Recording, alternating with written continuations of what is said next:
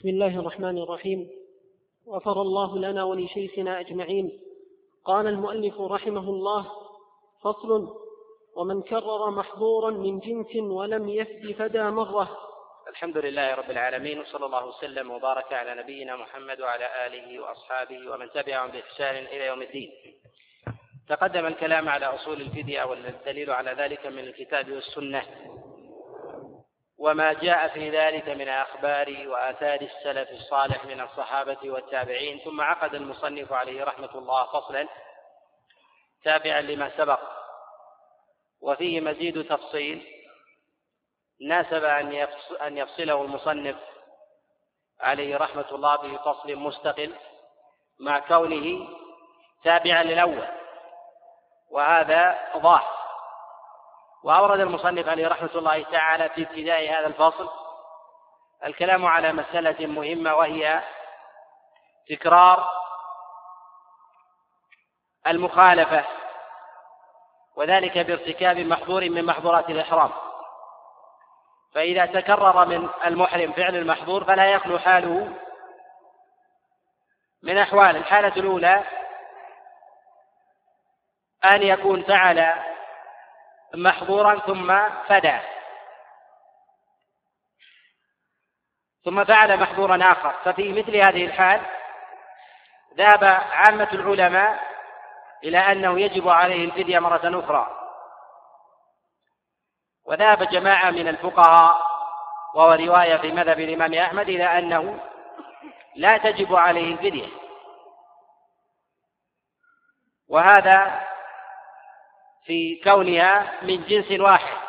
وإذا كانت من غير الجنس الواحد فهي من باب أولى تجب الفدية عليه. الحالة الثانية إذا فعل محظورا ولكنه لم يفدي ثم فعله مرة أخرى فيقال أن في هذه المسألة خلاف. ذهب جماعة من الفقهاء إلى أنه يجب عليه الفدية مرة واحدة وهذا ظاهر مذهب الإمام أحمد وذهب إليه جمهور الفقهاء من الشافعية أنه يجب عليه أن يفدي مرة واحدة ولا يجب عليه التكرار وذلك أنه فعل محظورا فتكرر منه كحال من ترك المبيت. بمنى لليلتين أو ترك رمي الجمار سواء كانت حصاة واحدة أو حصاتين أو ترك جمرة العقبة وجمرة أخرى فإنه يجب عليه فدية واحدة. وهذا هو الصحيح من أقوال العلماء وهو الذي تعضده الأدلة. وذلك إذا كانت من جنس واحد. أما إذا اختلفت فالخلاف فالخلاف في ذلك فيه نوع ضعف. وإن كان قد ذهب جماعة من الفقهاء من الشافعية وكذلك جماعة الفقهاء من المتأخرين الحنابلة إلى أن إلى أن الفدية في حال اختلاف الأجناس تكون تكون واحدة. والصواب أنها تتكرر. وقد تقدم الإشارة إلى الإشارة إلى هذه المسألة. ويخرج من مسألتنا هذه المسألة وهي إذا ارتكب محظورا محظورات الإحرام في نسك ثم تكرر منه هذا المحظور في نسك آخر. فإن العلماء قاطبة على وجوب الفدية مرتين. كان يكون يأخذ الإنسان عمرة ثم أتبعها بحج. ففعل محظورا في إحرام العمرة ثم فعل محظورا آخر. ولو كان من جنسه في الحج فإنه يجب عليه فديتين. كالذي يحلق رأسه في إحرام العمرة ثم يحلق رأسه في إحرام الحج. فيجب عليه الفدية مرتين. ومن باب أولى إذا فعل ذلك في موسمين. كأن يرتكب محظورا محظورات الإحرام في سنة ثم يفعل ذات المحظور في سنة أخرى. قال يجب عليه محظورين وذلك للتباين بين أداء الفريضتين لأن هذه لها من الشروط والواجبات وكذلك من اللوازم. ما هو مستقل عن الأخرى. وكذلك من جهة القبول والرد والنقص والكمال ما تنفرد به عن الأخرى. نعم. بخلاف صيد. نعم. ومن فعل محظورا من أجناس يقول بخلاف الصيد. وذلك أن الصيد إذا تكرر فإنه يجب بكل صيد واحد والعلماء يشددون في ذلك في الصيد خاصة. وهذا ظاهر مذهب الإمام أحمد في مسألة الصيد أنه إن تعدد يجب فيه فدية كل بحسبه وإن تكرر منه ذلك سواء من من ذات الجنس أو من غيره.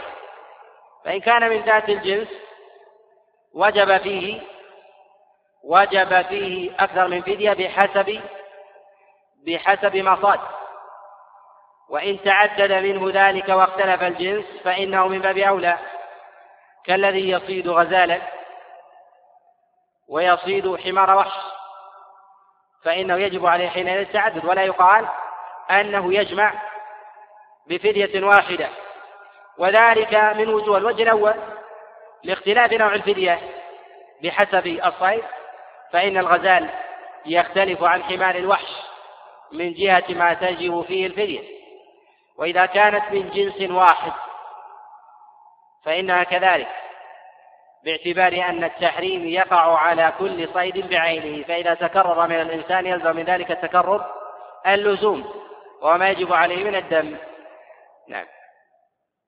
ومن فعل محظورا من أجناس فدى لكل مرة يقول ومن فعل محظورا من أجناس فدى في كل محظور مرة تقدم الكلام وما ينقل عن العلماء في مسألة فعل المحظورات وترك الواجبات أن العلماء يقولون أن من ترك محظورا من محظورات أن من ترك واجبا من الواجبات وجب عليه دم.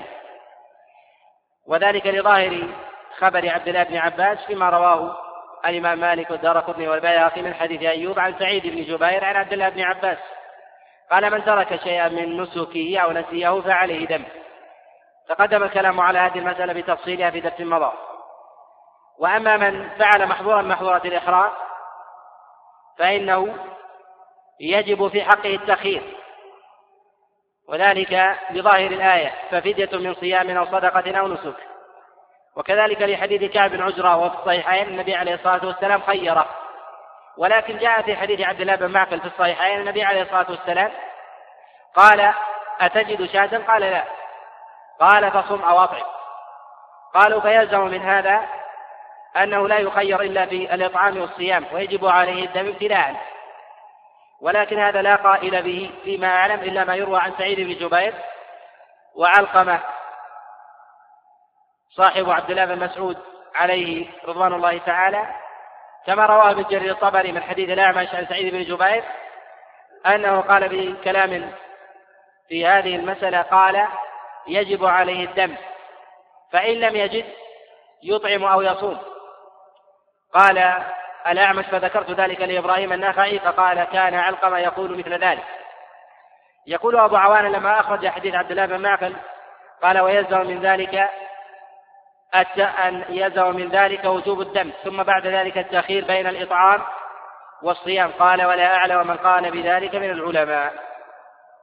ولكن قد ثبت ذلك عن سعيد بن جبير وعن علقمة. ولكن هذا مخالف لما عليه سائر الأئمة من من التخيير لحديث كعب بن عزرة فإنه صريح في التخيير وكذلك لظاهر الآية أنه يجب عليه يجب عليه يجب عليه الفدية على التخيير كما جاء في كلام الله سبحانه وتعالى ففدية من صيام أو صدقة أو نسك. وذلك أن الإنسان إذا كان لا يستطيع لا يستطيع شيئا من أحد ما خير به أنه ينتقل للآخر. وإن كان مستطيعا فمن باب فمن باب أولى لظاهر التأخير. وأما ما جاء عن سعيد بن جبير وكذلك عن علقمة فهو اجتهاد مخالف لظاهر الدليل من الكتاب من الكتاب والسنة. والفدية هي فرع عن هذا في من وقع في محظور محظورات الإحرام والعلماء يفرقون بين ما يفعل على سبيل الإتلاف وما يفعل على سبيل الترفع ويأتي مزيد تفصيل في هذه المسألة بإذن الله. نعم. رفض إحرامه أو لا؟ يقول رفض إحرامه رفض إحرامه أو لا. وذلك دفعا لما يظنه بعض العامة أنه إذا رغب أن ينزع إحرامه برغبته بفعل محظور من محظورات الإحرام أن له ذلك وأنه ينفسخ إحرامه برغبته متى شاء بفعل محظور من محظورات الإحرام. وبعض الناس يقيس ذلك على الصلاة أنه إذا فعل مفسدا أو مبطلا مبطلاتها بطل الصلاة وجب عليه استئنافها سواء في الحال أو في آخر الوقت. وهذا قول لا يعول عليه وذلك أنه لا قائل به على الإطلاق. وذلك أن الله عز وجل قد أمر بإتمام الحج والعمرة كما قال الله عز وجل وأتموا الحج والعمرة لله فمن تلبس بالإحرام في حج أو عمرة وجب عليه أن يتمها. وهذا إذا كان الإنسان قد فعل أعظم محظورات الإحرام وهو الجماع الذي يبطل فيه النسك وجب عليه أن يتم هذا النسك ويمضي هو ومن جامعه زوجته في الفاسد ثم يحجان من قابل أي يقضيان ما فسد من حجهما أو العمرة فيقضيان ما فعلا وهذا الذي عليه عامة العلماء وهو مروي عن عمر بن الخطاب وعلي بن أبي طالب وأبي هريرة كما رواه الإمام مالك بلاغا في موطئه وكذلك ثبت عن عبد الله بن عمر وعبد الله بن عباس وعبد الله بن عمرو وغيرهم من أصحاب رسول الله صلى الله عليه وسلم. وحكاه غير واحد إجماعا كما حكاه ابن قدامة وكذلك ابن المنذر وابن عبد البر والقرطبي وغيرهم من العلماء. فالإجماع قد تقرر في هذه في هذه المسألة وليس للإنسان أن يخير بفسخ الإحرام ولكن يفسخ الإحرام بأحوال. الحالة الأولى إذا انتهى من أعمال من أعمال النسك. وذلك على خلاف عند العلماء في مسألة التحلل الأول وتحققه ويأتي الكلام على هذه المسألة بإذن الله. الحالة الثانية عند الإحصار وما يقاس عليه مما هو في حكمه من أمراض وغير ذلك على خلاف عند العلماء في التوسع في هذا الباب. فإذا أحصر الإنسان فإذا كان مشترطا له أن يتحلل ولا يجب عليه دم. وإذا كان مشترطا له أن يتحلل. إذا كان مشترطا له أن يتحلل ولا يجب عليه دم. وإذا لم يشترط فإنه يتحلل مع الإتيان بالدم. كما ثبت عن النبي عليه الصلاة والسلام حينما أراد العمرة ومنعه كفار قريش بالحديبية وكان مع النبي عليه الصلاة والسلام هدي فساقه معه من المدينة فنحر النبي عليه الصلاة والسلام هديه. وتحلل عليه الصلاة والسلام. والمراد من ذلك أن الإنسان لا يفرق بين من رغب أن يفسخ إحرامه بفعل محظور من محظورات الإحرام وبين من لا يرغب ذلك. وذلك أن الحج مستثنى بنص صريح صحيح وكذلك هو محل إجماع عند العلماء قاطبة من السلف من الصحابة والتابعين ومن جاء ومن جاء بعده. يخرج من هذا بعض مسائل العلم مما يتكلم عليه العلماء كمسألة الصيام. إذا رغب الإنسان أن يبطل صيامه بفعل محظور من المحظورات التي أمر الله عز وجل باجتنابها في حال الصيام. هل يجب عليه في ذلك؟ كفار. كمن يريد أن يفطر بجماع. ومعلوم أن الجماع محرم على الصائم في نهار رمضان وإذا رغب أن يفطر بالجماع فنوى بجماعه في نهار رمضان أن يفطر بهذا الجماع ولم يفعله حال صيامه هل يجب عليه كفارة الجماع أم لا؟ هذا على خلاف عند العلماء وهذا ليس محل ضبطه ويتفرع على هذه المسألة مسألة القضاء لمن كان يقضي يوما من رمضان ثم أراد أن يفطر على جماع والجماع من مفطرات الصيام. هل بهذا الفطر يجب عليه الكفارة؟ أو يعتبر كمن أكل؟ وهل يقاس الجماع على الأكل أم لا؟ وهل يلزم من ذلك الكفارة بظاهر النص عن النبي عليه الصلاة والسلام؟ هذه المسألة بحاجة إلى مزيد تفصيل. ومراد المصنف عليه رحمة الله أن لزوم الفدية عليه في مثل هذه الحال ظاهرة. سواء رغب أو لم يرغب وذلك أن الحج والعمرة لا يجوز فسخهما بل لا يفسخان وإن رغب الإنسان أن يتحلل منه. وعلى هذا يعلم ما يظنه بعض العامة أو الجهلة أنه إذا كان محرما ووجد زحاما أو أراد أن يتخفف من إحرامه لبس ثيابه وأدى العمرة إلى موسم آخر. أن هذا هو عين الجهل.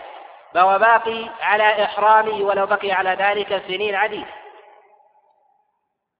ويسأل بعض العامة أنه كان محرما وفي الطريق انشغل أو حدث له عارض وليس بضرورة فانصرف عن إحرامه.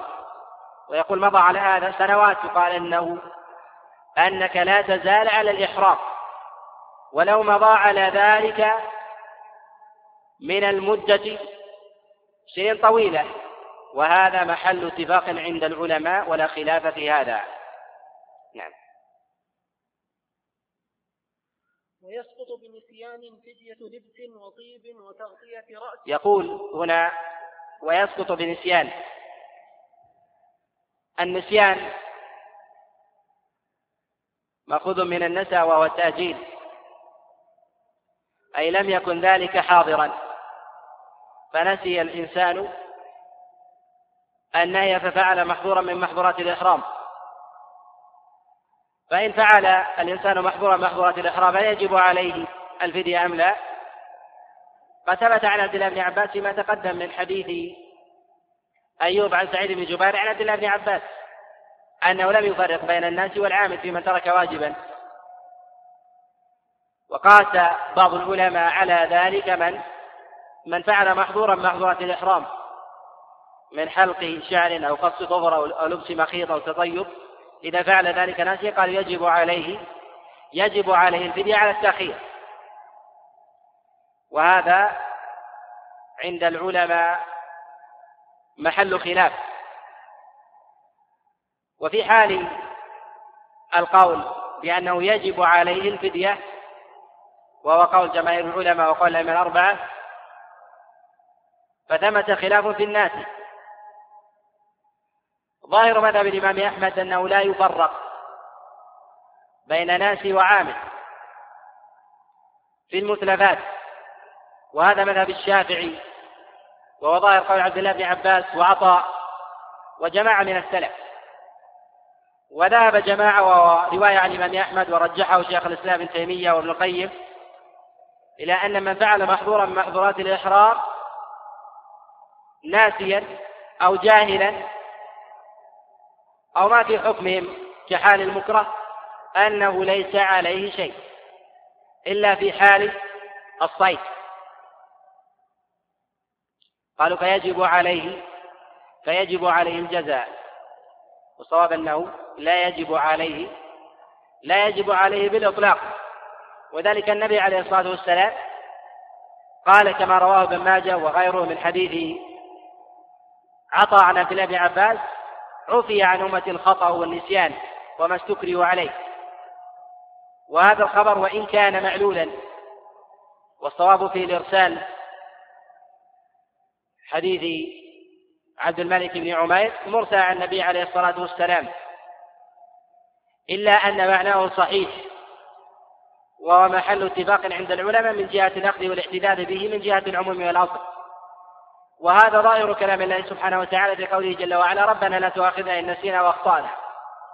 قد روى الإمام مسلم في صحيح حديث سعيد بن جبير عن عبد الله بن عباس أن النبي عليه الصلاة والسلام قال الله عز وجل لما أنزل هذه الآية قال قد فعلت. أي بالعفو عن الخطأ والنسيان. وهذا وهذا ظاهر وهو الذي تقتضيه الأصول. وذلك أن التكليف بالخطأ والنسيان تكليف بما لا يطاق. ومعلوم أن الإنسان قد رفع عنه القلم في حال النسيان والجهل. والله سبحانه وتعالى قد عفى عن المكره إذا نطق بالكفر وقلبه مطمئن بالإيمان. وهذا وهذا ظاهر. وبعض العلماء يعذر في باب ولا يعذر في باب. فيقول أن من فعل محظورا من محظورات الإحرام فإنه إذا كان جاهلا أو ناسيا فإنه معذور, معذور ويستثنى من ذلك ما كان من باب المتلفات. قالوا كقطع الشجر وكذلك الصيد وأمثالها. قالوا وتلك هي حقوق تبقى في الذمة كالحقوق التي على الآدميين. فيجب الإتيان بها. وهذا القول في نظر والصواب في ذلك أن الجاهل والناس معذور اعتمادا على الأصول. نعم. ويسقط بنسيان فدية لبس وطيب وتغطية رأس. يقول يسقط بالنسيان فدية اللبس اللباس ولبس المخيط. إذا لبس الإنسان شيئا من اللباس المحظورة كالقمص والسراويل وأمثالها فإنه يسقط بالنسيان. ويخرج من ذلك من داوم على ذلك إذا تذكر. إذا لبس الإنسان قميصا ثم تذكر فاستدام عليه وأبقاه. فإنه فعل محظورا حال ذكره. ويخرج من ذلك إذا لم يكن لديه لباس وخشي أن تظهر عورته في حال نزعه لللباس. فيقال حينئذ يبقى ويكون معذورا. وهل تجب عليه الفدية أم لا؟ فيكون حاله كحال من لم يجد الإنزار فيلبس السراويل هل يجب عليه الدم أم لا؟ على خلاف تقدم الإشارة إلى هذه المسألة. أما في حال النسيان المحض وهو عين العذر كما تقدم فإنه معذور. أما الاستدامة فإنه ينظر الحال على التفصيل السابق. ويلحق في هذا الطيب وتغطية الرأس للمحرم. ويخرج من هذا ما تقدم الإشارة إليه من تغطية الوجه. وأنه قد حكي إجماع العلماء على أن تغطية الوجه جائزة. وهذا مروي عن غير واحد من الصحابة. مروي عن عثمان بن عفان وعبد الرحمن بن عوف وجابر بن عبد الله وسعد بن وقاص وابن الزبير والقاسم ومالك ورواية الإمام أحمد بل قال ابن قدامة وهذا إجماع الصحابة. وفي حكاية الإجماع فيها نظر فإنه قد ثبت عن عبد الله بن عمر عليه رضوان الله تعالى أنه قال ما فوق الذقن لا يغطي المحرم. وروي عن جابر بن عبد الله عليه رضوان الله تعالى ما يؤيد ما عليه جمهور الصحابة عليهم رضوان الله تعالى. وتغطية رأسه إذا نسي الإنسان كان يضع على رأسه شيئا نسيانا عمامة وشماغ وطاقية أو ما في حكمها فيعذر بذلك وفي الاستدامة كحال اللباس ثم تقدم الإشارة إليه. ويخرج من هذا ما يستظل به الإنسان. فقد أجمع العلماء على أنه يجوز للإنسان أن يستظل بقبة أو خيمة أو شجرة وهذا باتفاق العلماء. ويخرج من هذا الاستظلال بما يضعه الإنسان على رأسه من منديل يخشى ضربات الشمس أو يكون قريبا من رأسه من الشمسية ونحو ذلك فهذا محل الخلاف. فجمهور العلماء على أنه على أن ذلك ليس محظورات الإحرام وذهب المالكية إلى أنه محظورات الإحرام. ذهب إلى هذا جمهور المتأخرين المتأخرين منه. وكذلك أيضا الحكم حكم الطيب كما تقدم معنا في حديث يعلى وفي الصحيحين لما جاء وقد تضمخ بخلوق فقال له النبي عليه الصلاة والسلام اغسل عنك أثر الخلوق واصنع في عمرتك ما تصنع ما تصنع في حج فدل ذلك على أن على أن الطيب من محظورات الإحرام ويجب إزالته على الفور إذا فعله الإنسان ناسيا وجب عليه أن يزيله. لهذا قال النبي عليه الصلاة والسلام اغسل عنك أثر الخلوق فإن أبقاه واستدام عليه. يقال هذا لا يخلو من حالين. إن كان تركه لأنه لا يجد ما يزيله به من ماء أو منديل ونحو ذلك لهذا قال النبي عليه الصلاة والسلام اغسل عنك أثر الخلوق فإذا عدم الماء انتظر حتى يجد ماء ولا ولا حرج عليه بذلك على الصحيح. وأما إذا وجد وانتظر وبقي عليه فكأنه فعل ذلك متعمدا حينئذ حينئذ على قول عامة العلماء بل جماهيرهم أنه يجب عليه يجب عليه دم. نعم.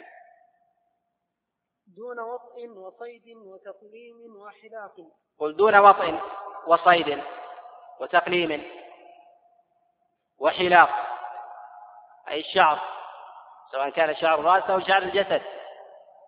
ويستثني الحنابلة هذه ولا يفرقون بين الوطء بين المكره كالمرأة والناس الرجل والمرأة وبين العامل قال ويجب في ذلك فدية. وقد حكي عن عدم معرفة الخلاف في التفريق بين هذه في الوطن كما حكاه ابن قدامة.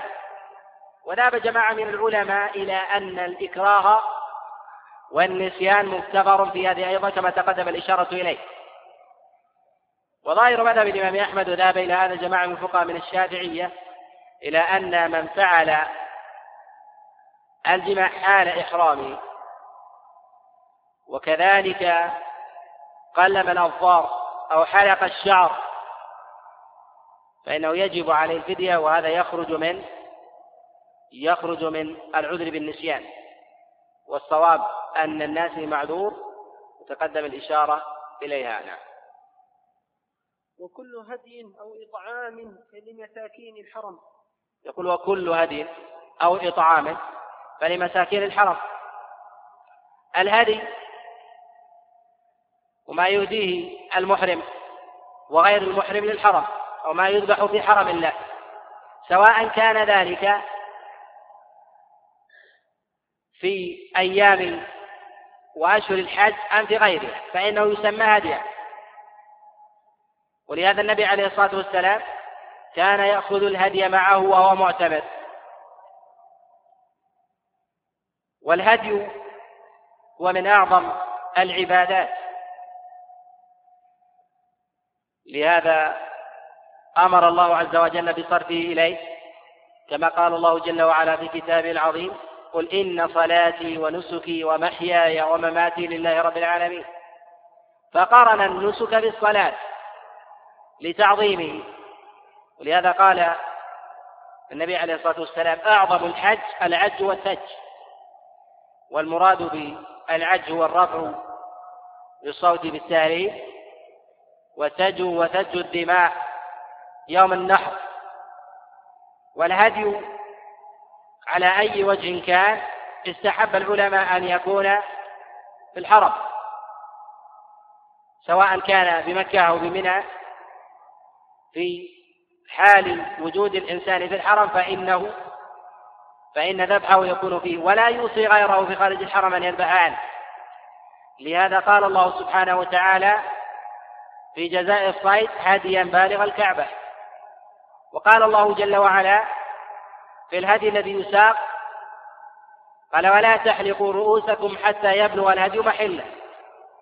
ومحله عند انقضاء النسك وانقضاء النسك يكون في المشاعر فيذبح حينئذ هناك وهذا الذي عليه جماهير السلف وهو مروي عن عطاء بن أبي رباح ومجاهد بن جبر وغيرهم من السلف وظاهر مذهب الإمام أحمد وقول الشافعي وغيرهم من الأئمة. وأما ما كان من دم الفدية فهو كالهدي. أما الإحصار فالنبي عليه الصلاة والسلام أحصر في الحديبية فنحر هديه في موضعه. وإذا استطاع الإنسان أن يبعث بهديه إلى مكة فإن هذا هو الاولى لهذا كان النبي عليه الصلاة والسلام يبعث بهديه وهو في المدينة إلى مكة ولا يمسك عما يمسك عن الحاج كما ثبت في الصحيح من حديث عائشة. وكذلك روي ذلك عن غير واحد من الصحابة كان عبد الله بن مسعود عليه رضوان الله تعالى وغيره. يقال حينئذ أن الأصل في الهدي على وجه العموم في حال الاحصار أو في غيره أنه يكون بمكة.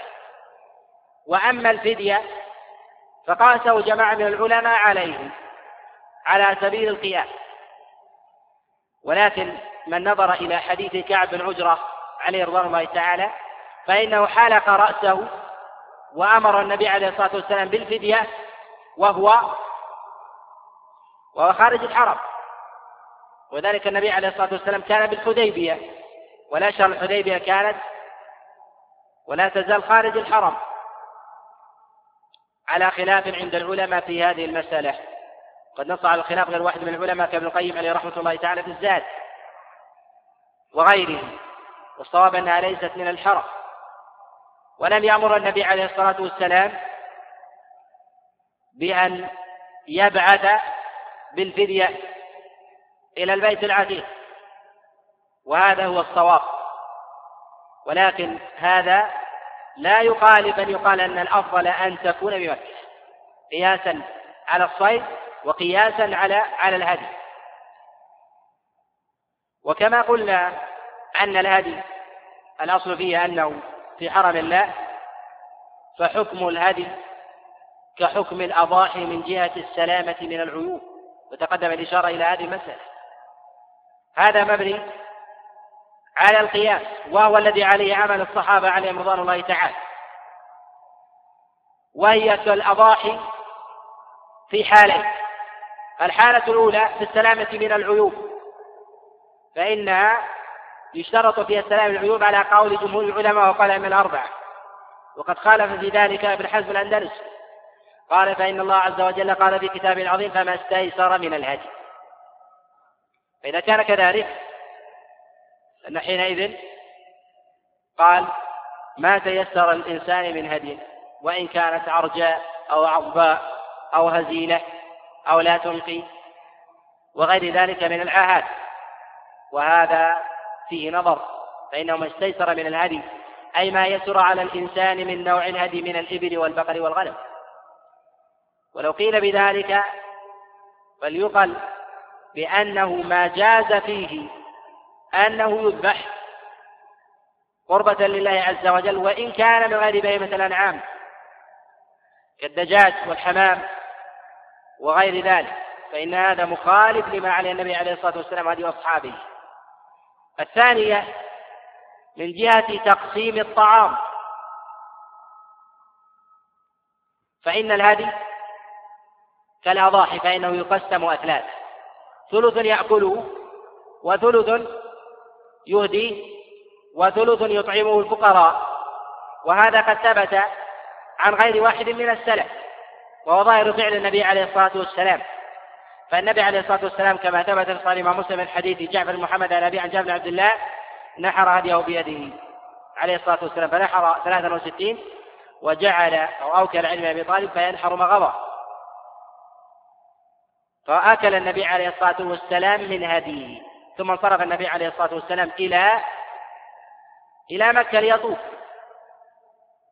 وذلك النبي عليه الصلاة والسلام أخذ من كل واحد لحما فوضعها في قدر فأكل منها جميعا. وهذا الذي عليه جمهور العلماء خلافا للشافعي. الذين يقولون الدماء الواجبة لا يجوز للإنسان أن يأكل منها. ويدخل في هذا الهدي والفدية والنذور وغيره. ولكن الذي عليه عمل الصحابة عليهم رضوان الله تعالى وظاهر فعل النبي عليه الصلاة والسلام أن أكل أضاحي ثبت هذا عن غير واحد منهم عبد الله بن مسعود كما رواه البياقي وابن أبي شيبة وابن حزم في المحلى من حديث إبراهيم عن علقمة. عن عبد الله بن مسعود أنه كان يبعث بهديه إلى البيت الحرام مع علقمة ويأمره أن يقسمه اثلاثا. فيأكل ثلثا ويهدي ثلثا. يعطيه لابن أخيه عبد الله بن عتيبة بن مسعود. ويطعم الفقراء ثلث وإسناده صحيح عن عبد الله بن مسعود. وكذلك قد ثبت عن عبد الله بن عمر ذلك كما روى ابن حزم المحلى من حديث أبي رواد عن نافع عن عبد الله بن عمر أنه كان يقسم هديه ثلاثا. ثلث يهديه وثلث يطعمه وثلث للفقراء والمساكين. وإسناده عنه لا بأس به. وإن كان عبد العزيز بن رواد ممن يغلط ولكن الأصل في روايته الاستقامة ما لم ينفرد ويخالف. ولم يخالف هنا كيف؟ وقد وافق عبد الله بن مسعود وهو ظاهر النص عن النبي عليه الصلاة والسلام. وأما دم الفدية فإنه لفقراء الحرم يصرفه الإنسان وإن طعم الإنسان منه فلا حرج عليه. فإن النبي عليه الصلاة والسلام حينما أمر كعب بن عجرة ما أمره أو نهاه أن يأكل. فدل على الترخيص في ذلك. وهذا في دم الفدية وكذلك في دم ترك الواجب على قول على قول جمهور جمهور العلماء. ومن لم يجد أو لم يرغب بالنسك وهو الدم وأراد أن يتحول إلى الطعام أو الصيام وتقدم أنه يخير يخير في ذلك. يقال أنه يجب عليه أحد هذه والإطعام يكون لفقراء الحرم ويأتي مزيد تفصيل عن الإطعام بإذن الله وتقدم الإشارة عن العموم في هذه المسألة. نعم. وفدية الأذى واللبس ونحوهما ودم الإحقار حيث وجد سببه. قوله عليه رحمة الله حيث وجد سببه أي أنها تجب في الموضع الذي وقع المحظور فيه أو وقع الإحصار فيه.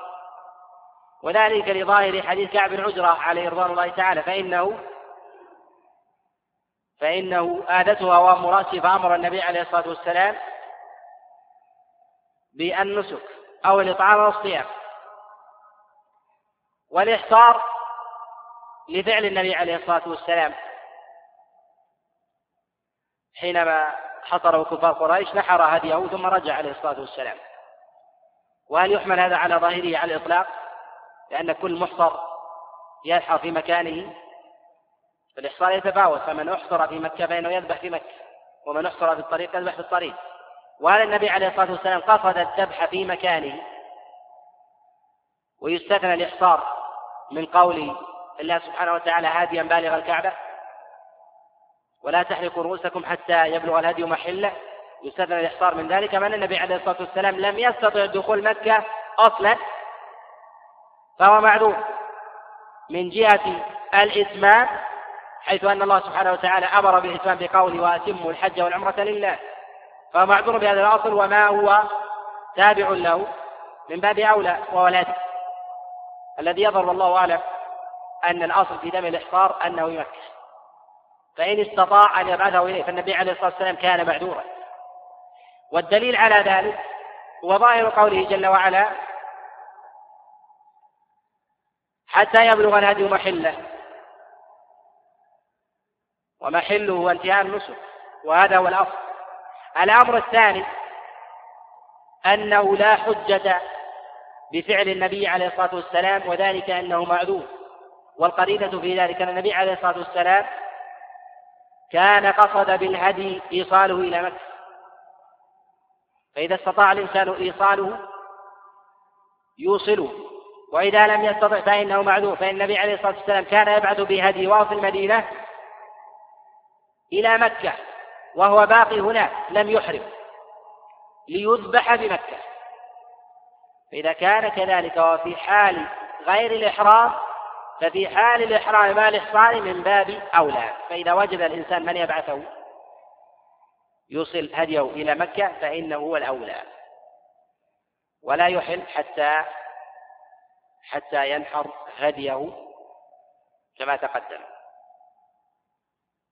نعم.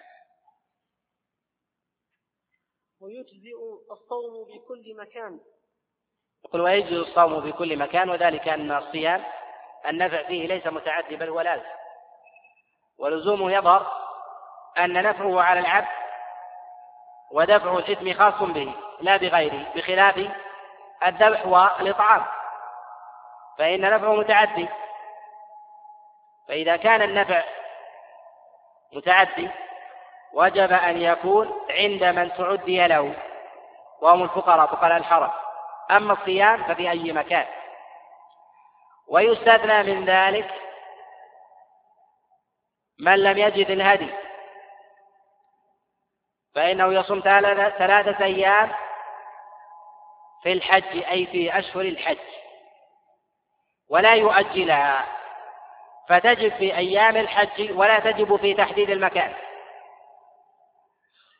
وأما البقية فإذا رجع إلى أهله فلا يلزم فيها مكانا ولا يلزم فيها زمانا وآخر هذه الأيام يوم عرفة الثلاثة وإن أخرها ففي أيام التشريق. ثبت ذلك عن عبد الله بن عمر نعم والدم شاة أو صبع بدنة. يقول والدم شاة الدم الذي يجب على المتمتع والقارئ.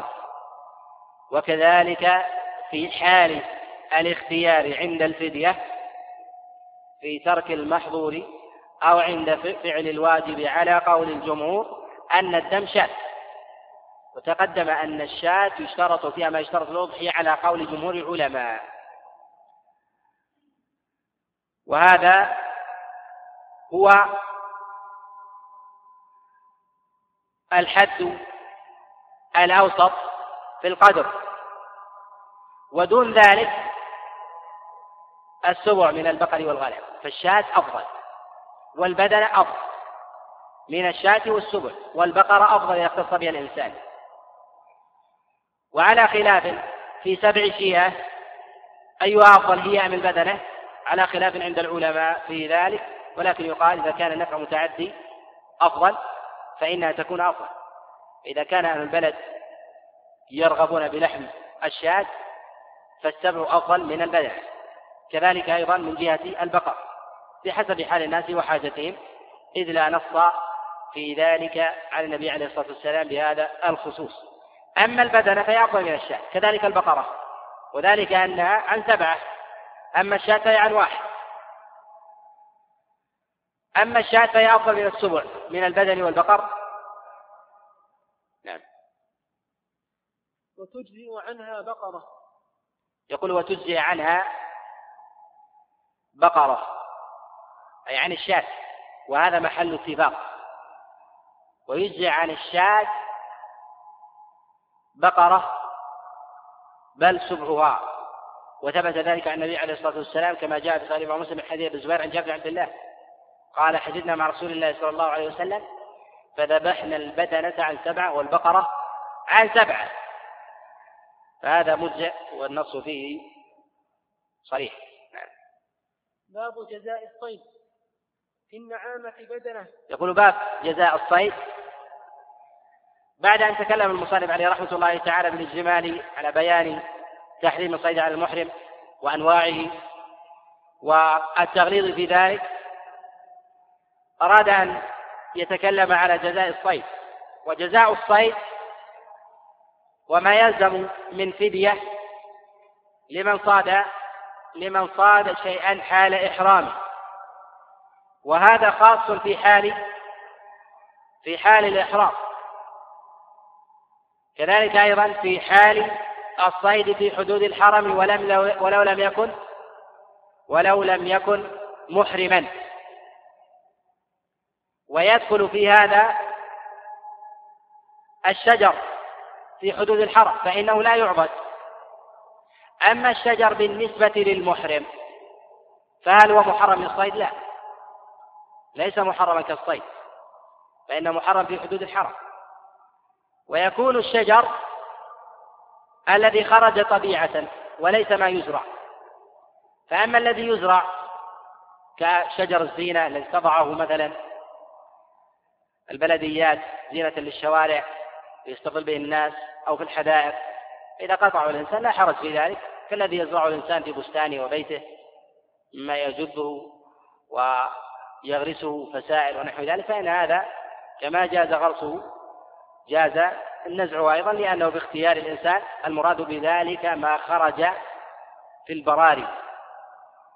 وهذا ظاهر نعم. في النعامة بدنة.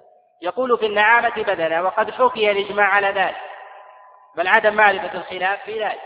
هذا قد روي عن عمر بن الخطاب وعثمان بن عفان وعلي بن أبي طالب وعبد الله بن عباس وزيد بن ثابت ومعاوية كما رواه الشافعي في الأم والبيهقي وغيرهم من حديث عطى عنهم وفي إسناده انقطاع. وثبت عن عبد الله بن عباس عليه رضوان الله تعالى أنه قال ذلك. كما جاء عنه في المصنف وغيره من حديث عطاء عن عبد الله بن عباس أن في النعامة شاة أن في النعامة بدنة. وذلك للتشابه. وتقدم أن ظاهر الآية فيها التخيير بين الفدية بالمثل أو الإطعام أو الصيام بقدر قيمة الطعام وقدره. وأنه لا يجوز للإنسان أن ينتقل من مثيل إلى غيره من جنسه.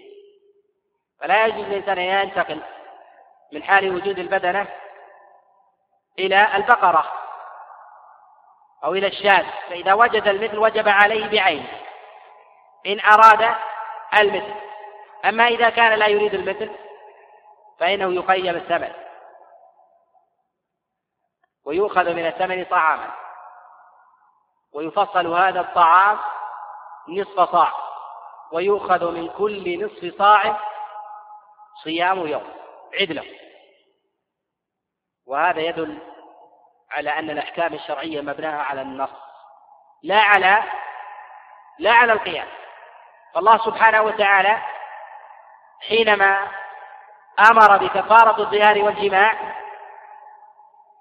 بعتق رقبة ثم أمر الله سبحانه وتعالى بالصيام ثم أمر الله عز وجل بالإطعام.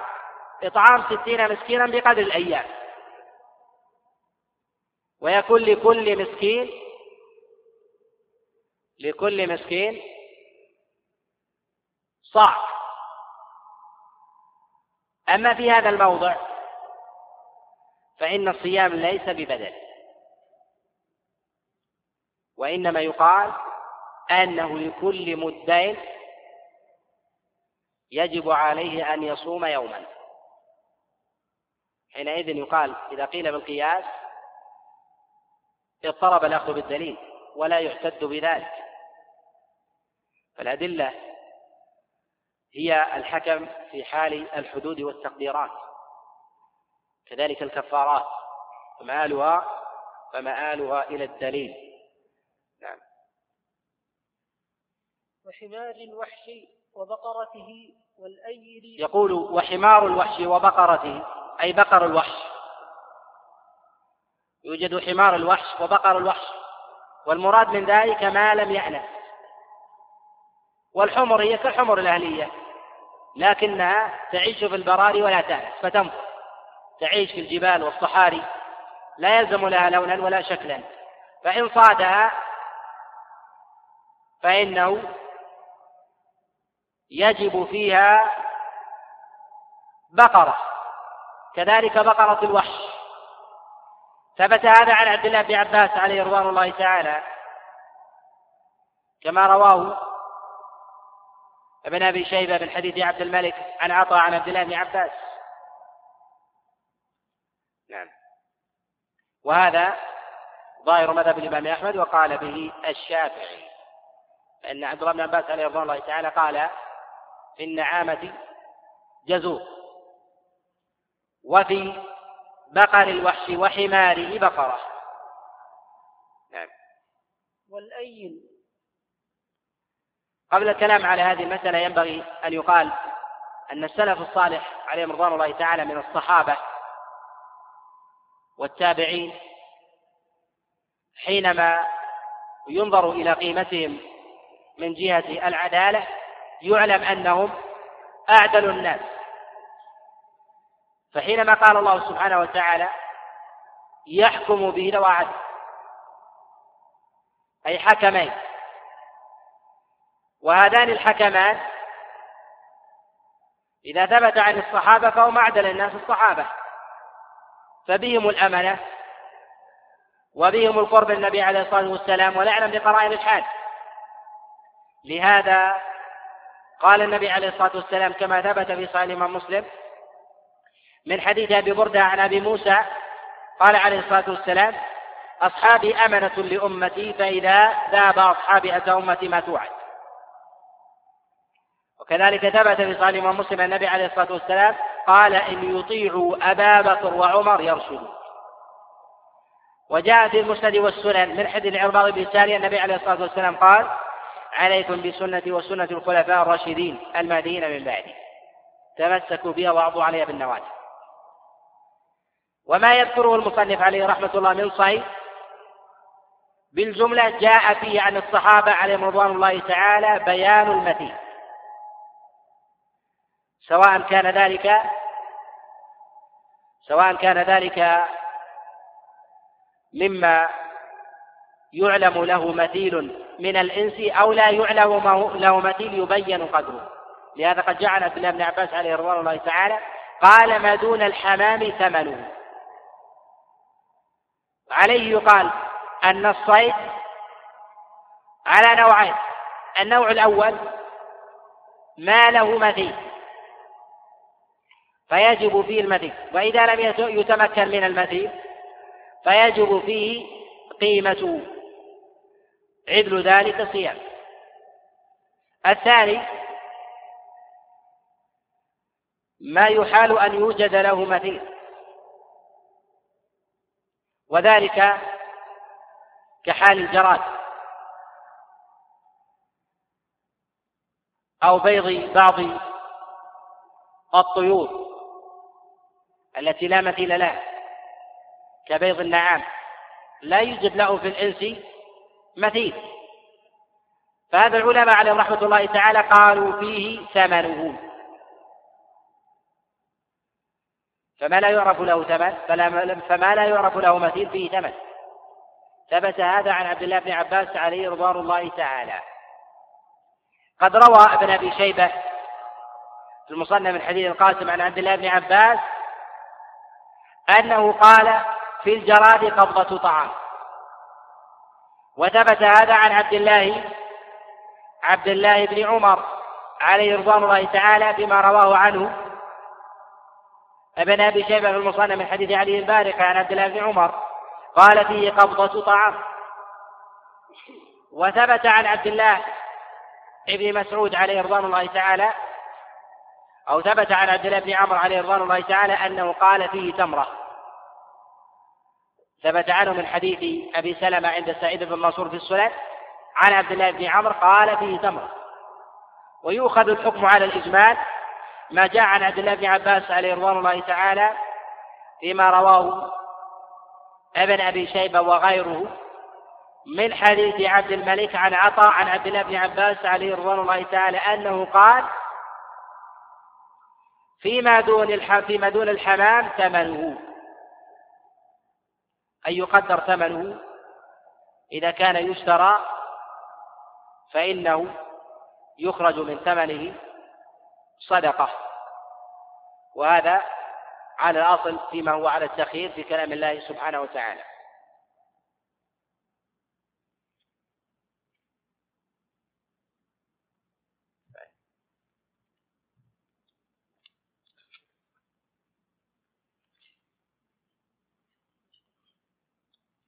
يقول هل لو صام من لم يجد هذه العشر أيام أيام العشرة أيام كلها في الحج يصح منه؟ يصح منه ذلك. يصح منه ذلك لكن تأجيلها هو الأفضل.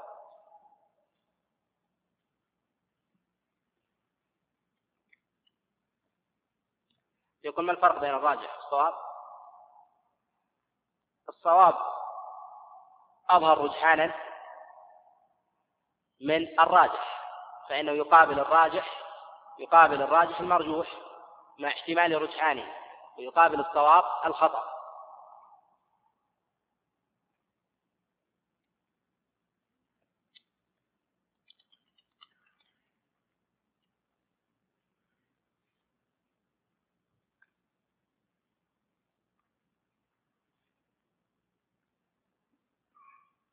يقول نبأ الفاسق هل ثبت فيها شيء؟ لم يثبت عن النبي عليه الصلاة والسلام في سبب نزول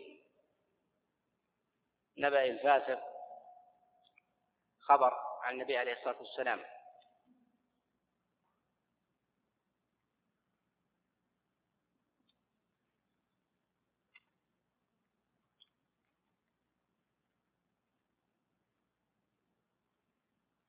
من جامع زوجته في الحج ناسيا وجاهلا فما الذي يجب عليه؟ من جامع زوجته في الحج ناسيا وجاهلا فعلى الصحيح أنه معذور. بعموم النصوص وتقدم الكلام على المسألة وجمهور العلماء وقال الأربعة أنه ليس بمعذور.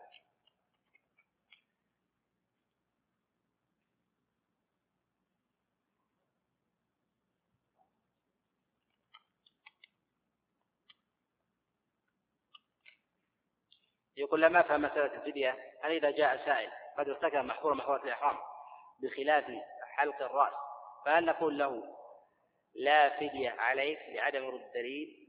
كذلك في ترك واجب الواجبات تقدم سياق المسألة وأن العلماء قد اختلفوا في ذلك وأن أكثر العلماء بل جمهر متكاثرة على وجوب الدم. وجوب الفدية على التخيير سواء كان دما صياما أو إطعاما. وأن الصواب في ذلك عدم وجوب الدم إلا ما دل عليه الدليل منه فدية الرأس. وترك الواجبات هي فرع عن هذه المسألة.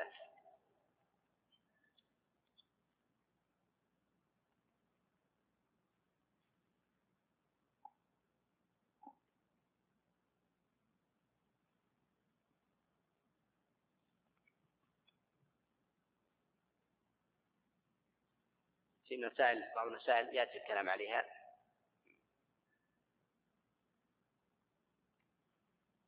وهل يعد من أخذ بيض النعام صائدا نعم من أخذ يعتبر صيد. ولهذا جزم الصحابة أن في فدية. قد جاء عن ابن عباس عليه رضوان الله تعالى أنه قال في البيضتين نصف دينار أو نصف درهم.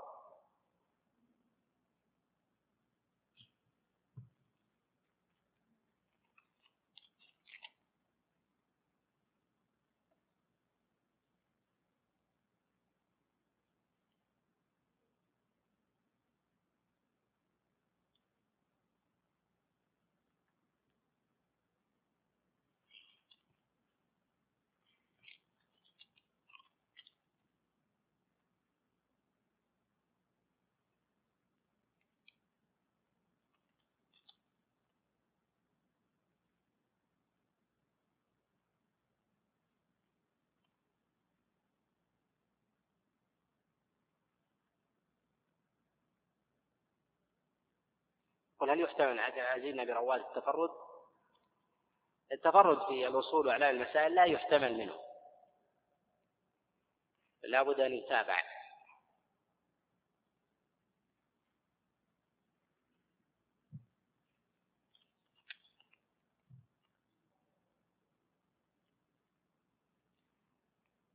هل حق الشعر وتقديم الأعضاء يعتبران من جنس واحد؟ نعم هم من جنس واحد قل من أفسر وقد اشترط هل يجب عليه الصيام لا يجب عليه شيء. إذا كان قد اشترط لا يجب عليه شيء ينزع إحرامه ثم يرجع.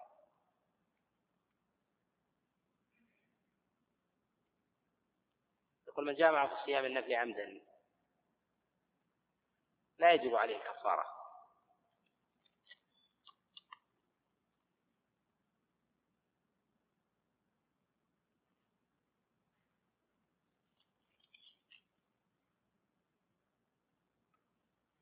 صلى الله عليه وسلم وبارك على نبينا محمد.